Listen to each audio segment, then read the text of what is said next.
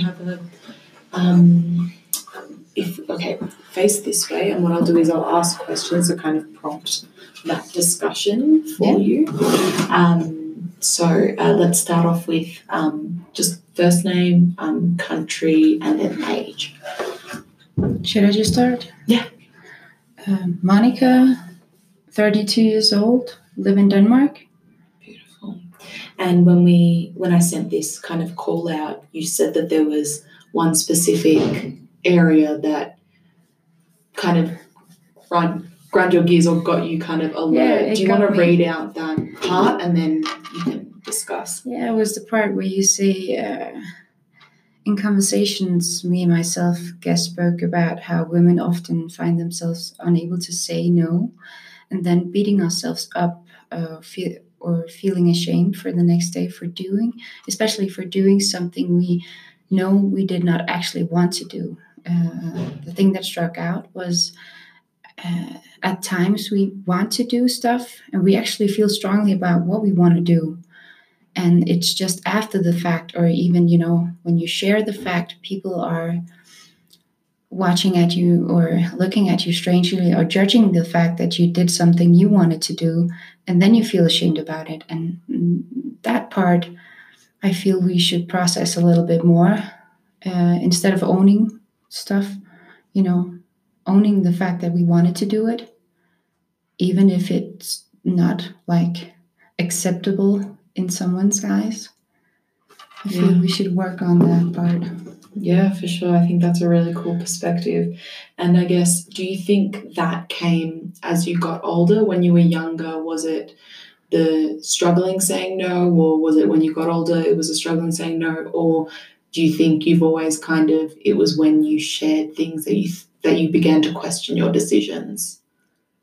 Well, I would, it was probably when I was younger when I shared a thing I would question I would I would question myself and why I actually did that.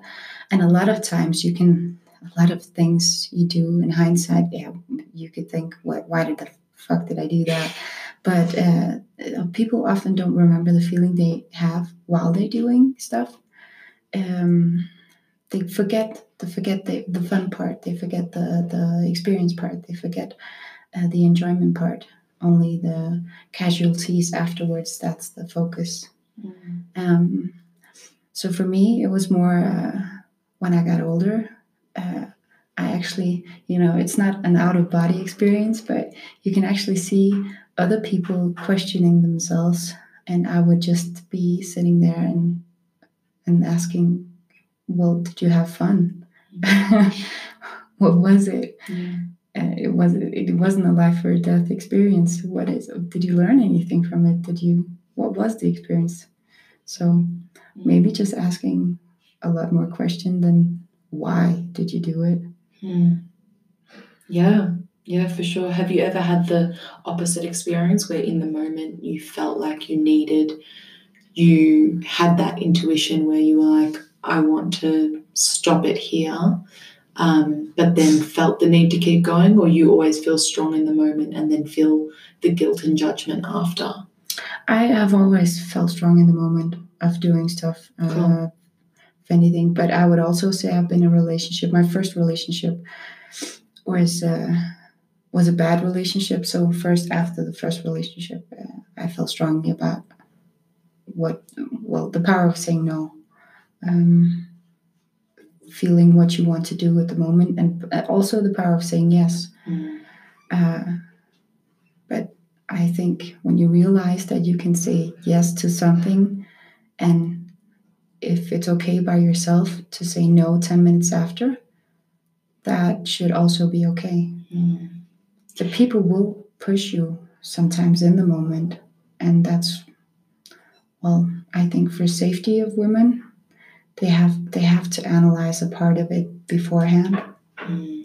but yeah So, how did you get to the point where you felt? Was it from that first relationship where you learned a lot and you kind of felt empowered after to be able to say yes, no, and really feel?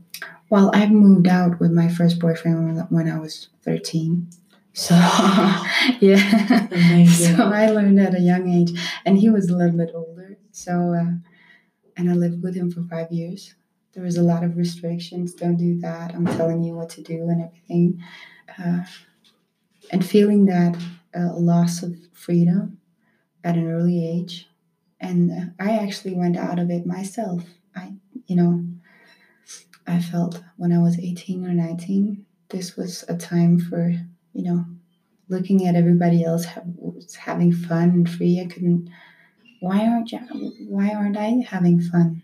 And and people were thinking of me like, or you are having fun. They were looking at me like I was having fun, but I wasn't. So at an early age, I would change. Interesting. And if there was something that you could say to that younger self of yours that was restricted or restrained or felt under the, you know, rule of someone else, what would what message would you send to your younger self in that situation? I would well, there's a couple of things. Stop analyzing and don't think that you are um, able to look into the future because you actually don't know. When you make a decision, um, you don't know what the outcome is. So try, go for it, and and um, take it as you come. Because a lot of things that stop people from doing something, or stop, uh, or actually feeling ashamed about something, is putting too much thought in what could have happened or what should have happened instead of just actually living it and going through it. Mm. So yeah.